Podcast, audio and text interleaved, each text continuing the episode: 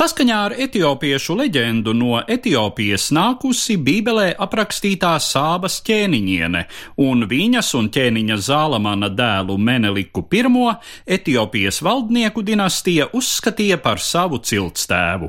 8. gadsimtā pirms mūsu ēras Etiopijā izplatījies jūdaisms, savukārt mūsu ēras 4. gadsimtā šeit no Ēģiptes ienākusi kristietība. Etiopija palika kristīga valsts arī pēc tam, kad muhamedāņu iekarojumi to uz daudziem gadsimtiem izolēja no pārējās kristīgās pasaules.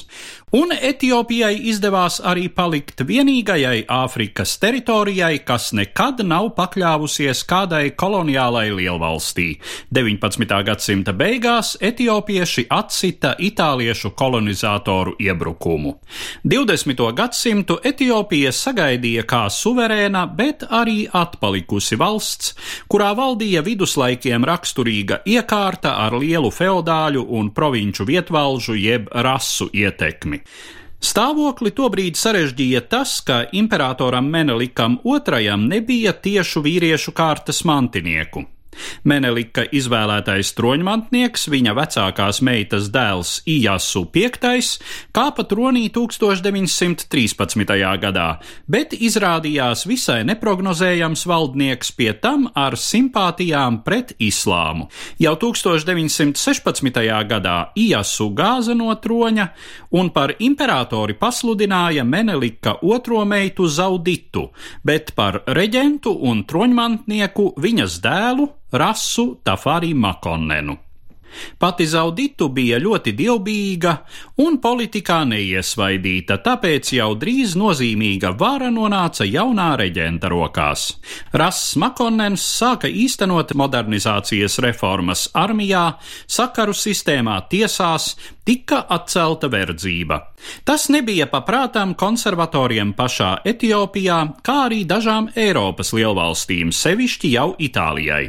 Pret jauno reģentu tika vērptas galma intrigas, rīkotas sazvērestības, provincēs uzliesmoja dumpi.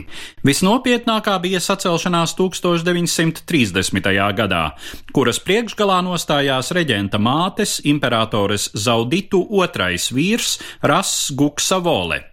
Nemierniekus, kurus apbruņoja itālieši, izdevās sakaut ar Francijas militāru atbalstu.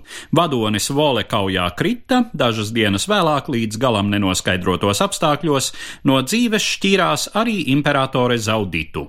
Tas notika 1930. gada 2.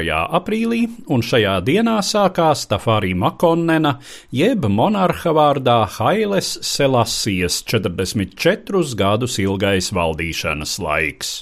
Tulkojumā no amhāru valodas Haile Selasija nozīmē trīsvienības spēks. Hailem Selasiem izdevās izvest Etiopiju starptautiskajā arēnā, taču tas neglāba valsti, kad 1936. gadā pret to militāru agresiju izvērsa fašistiskā Itālija. Imperators devās trimdā un varēja atgriezties tikai 1941. gadā, kad Etiopiju atbrīvoja Britu sadraudzības spēki. Pēc kara Haile Selassie kļuva par vienu no prominentākajām figūrām nepievienojušos valstu kustībā un arī Āfrikas vienības organizācijā, kuras mītne atradās Adisabebā. Taču 70. gadu sākumā postoša sausuma izraisīts bats daļā Etiopijas un nelabvēlīga ekonomiskā situācija pasaulē destabilizēja valsti, un 1974. gadā Sirmo imperatoru no troņa gāza armīnieku revolucionārā komiteja jeb Derks. Nepilnu gadu vēlāk pasaule uzzināja par bijušā imperatora Hailes Selasijas nāvi ieslodzījumā. Viņa kapavieta palika nezināma līdz pat 1992. gadam, kad līdz ar padomju palīdzības apsīkumu derga vara bija sabrukusi. Ķēniņa zālamana mantinieka pīšļi tika atrasti iebetonēti grīdā līdzās pilsas banketu zāles attejai.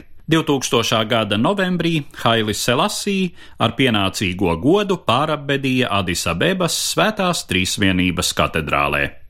Stāstīja Eduards Liniņš.